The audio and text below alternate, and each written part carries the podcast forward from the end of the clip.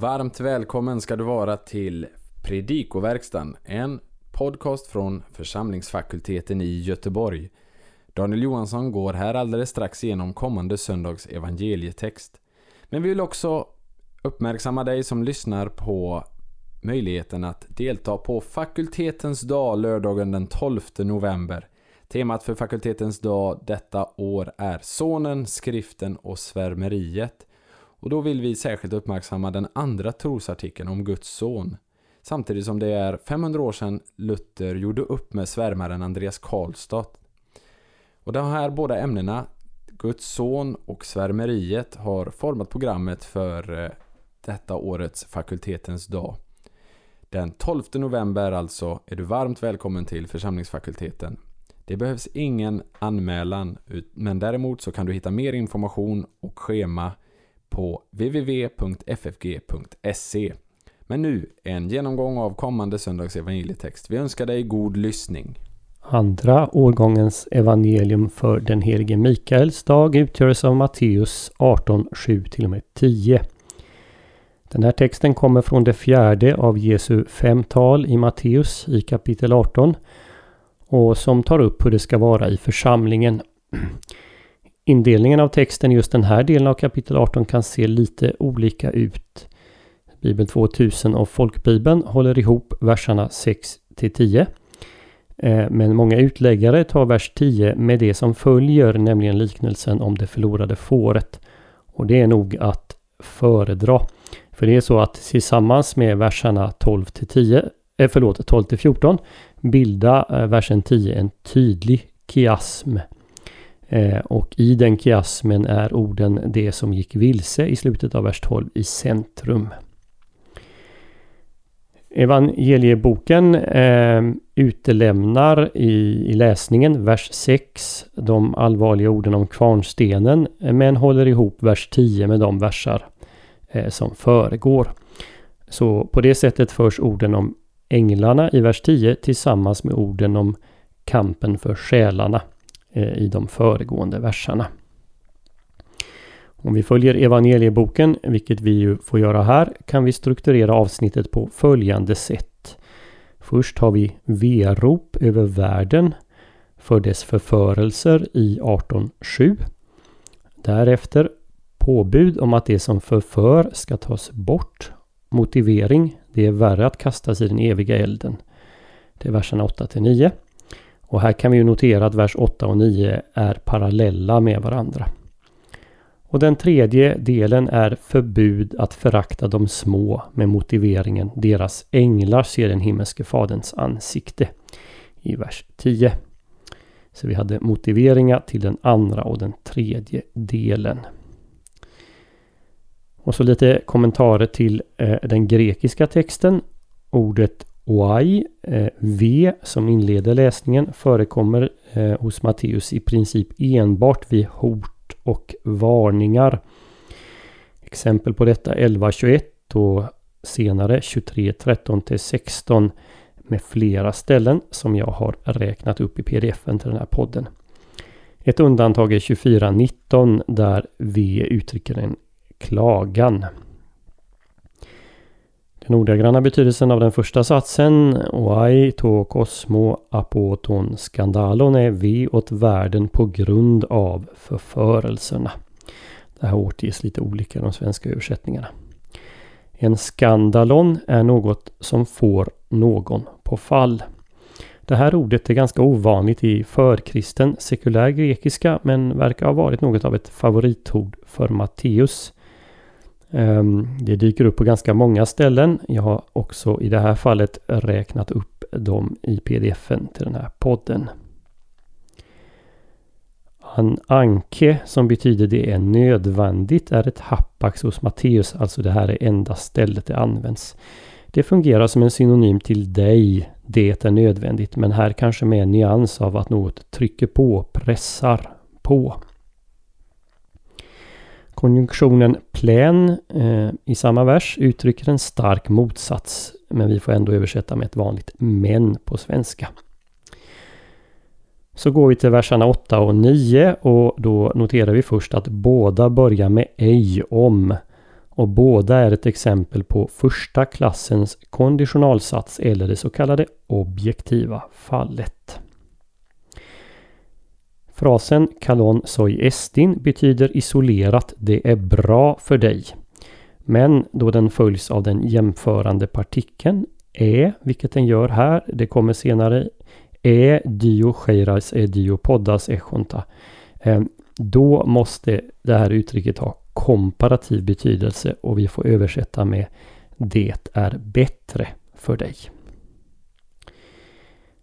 Verbet skandalitsej, eh, som också förekommer i båda verserna 8 och 9, är föremål för en del diskussion. Eh, de svenska översättningarna har förleder dig, alltså en slags eh, reflexiv användning. Men betydelsen kan också vara, och det är normalbetydelsen, att man orsakar att någon annan kommer på fall. Om ditt öga gör att du blir en orsak till fall. I vers 9 eh, kan vi lägga märke till att Bibel 2000 och Folkbibeln översätter ten genan to pyros olika. Bibel 2000 med helvetets eld.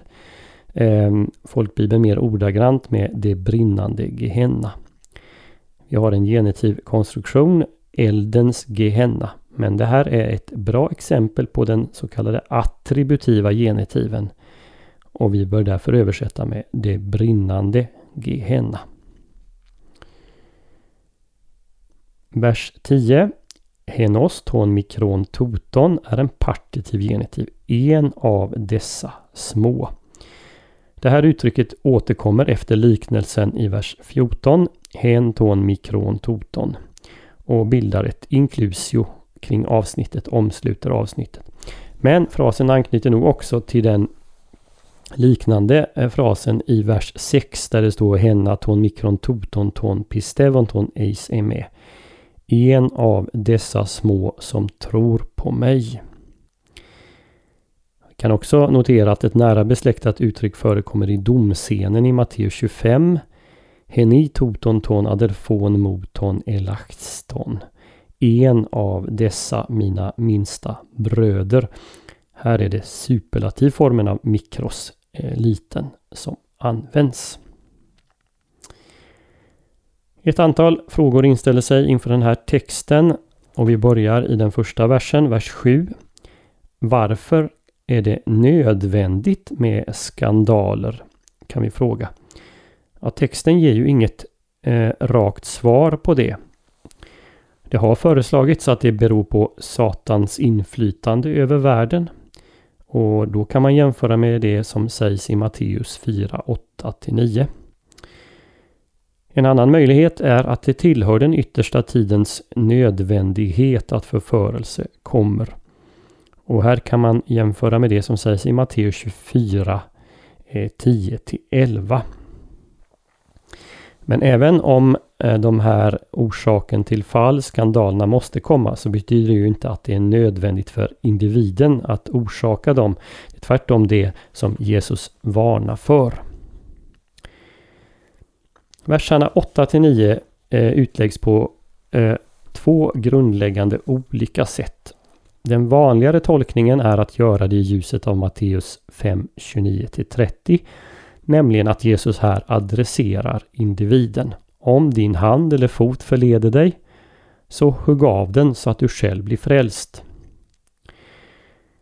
En alternativ eh, undertolkning eh, som vi alluderade på ovan är den här. Om din hand eller fot orsakar att någon annan kommer på fall, så hugg av den. Eh, då tar vi i eh, skandalizo i den meningen att den är kausativ, att den orsakar någon annan. Eh, och det passar, den här senare tolkningen passar bättre med den normala användningen av verbet skandalitsej och ska vi säga också med sammanhanget. För där det ju i både vers 6 och 7 eh, varnas för att man ska bli andra till fall. I vilket fall, hur vi än väljer här, så är det två saker vi bör lägga märke till. Jesu poäng är ju förstås att undvika helvetet till varje pris.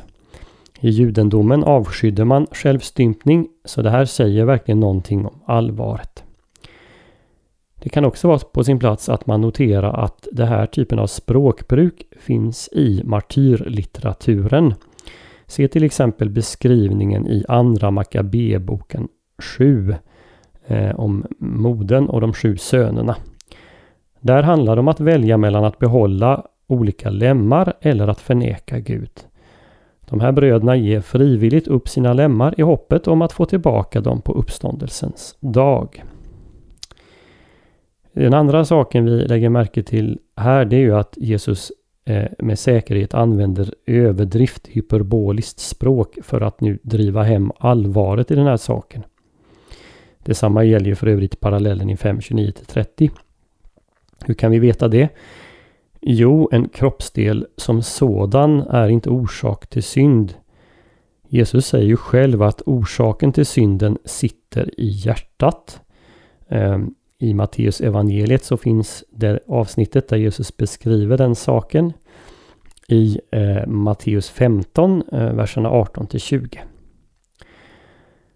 Och för det andra så lär ju Nya Testamentet i övrigt att uppståndelsekropparna ska vara hela, hela och härliga. Första Korinthierbrevet 15.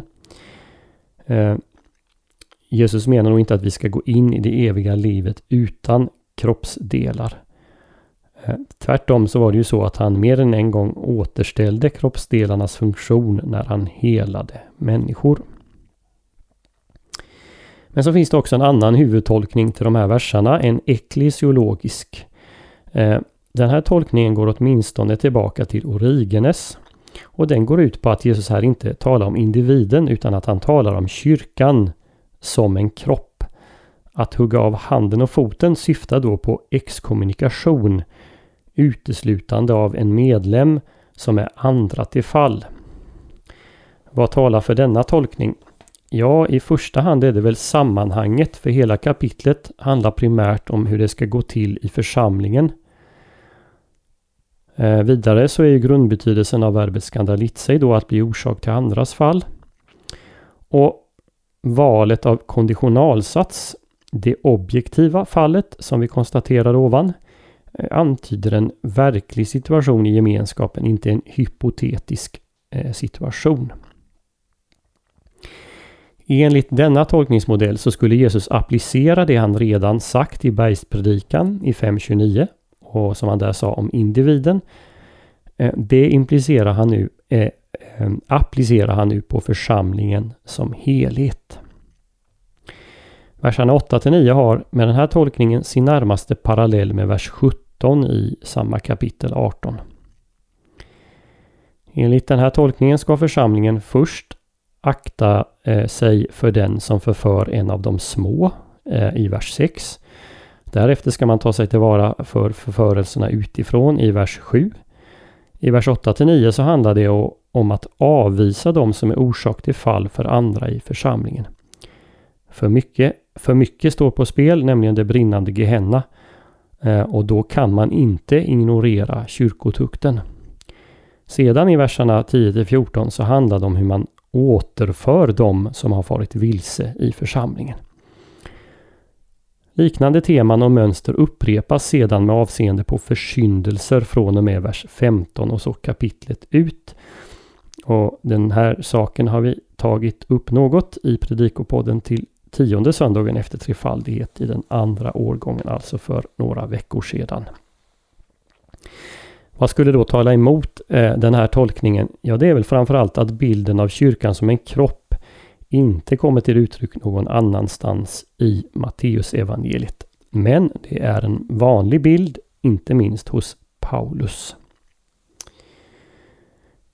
Till sist eh, så kan vi säga någonting om änglarna också. Det råder lite diskussion om vad det här deras änglar syftar på. En del menar att det skulle syfta på människans själ efter jordelivet. Och för det kan man anföra eh, Apostlagärningarna 12.15. Men majoritetsuppfattningen är att det handlar om Guds sändebud och att de troende på jorden har okroppsliga representanter i himlen. Vad judendomen lärde om änglarna på den här tiden och vad Jesu åhörare hade för förkunskap är oklart. Eh, många referenser till änglar och då specifikt när det handlar om frågan om personliga änglar, om skyddsänglar, de kommer eh, i tiden efter Nya Testamentet.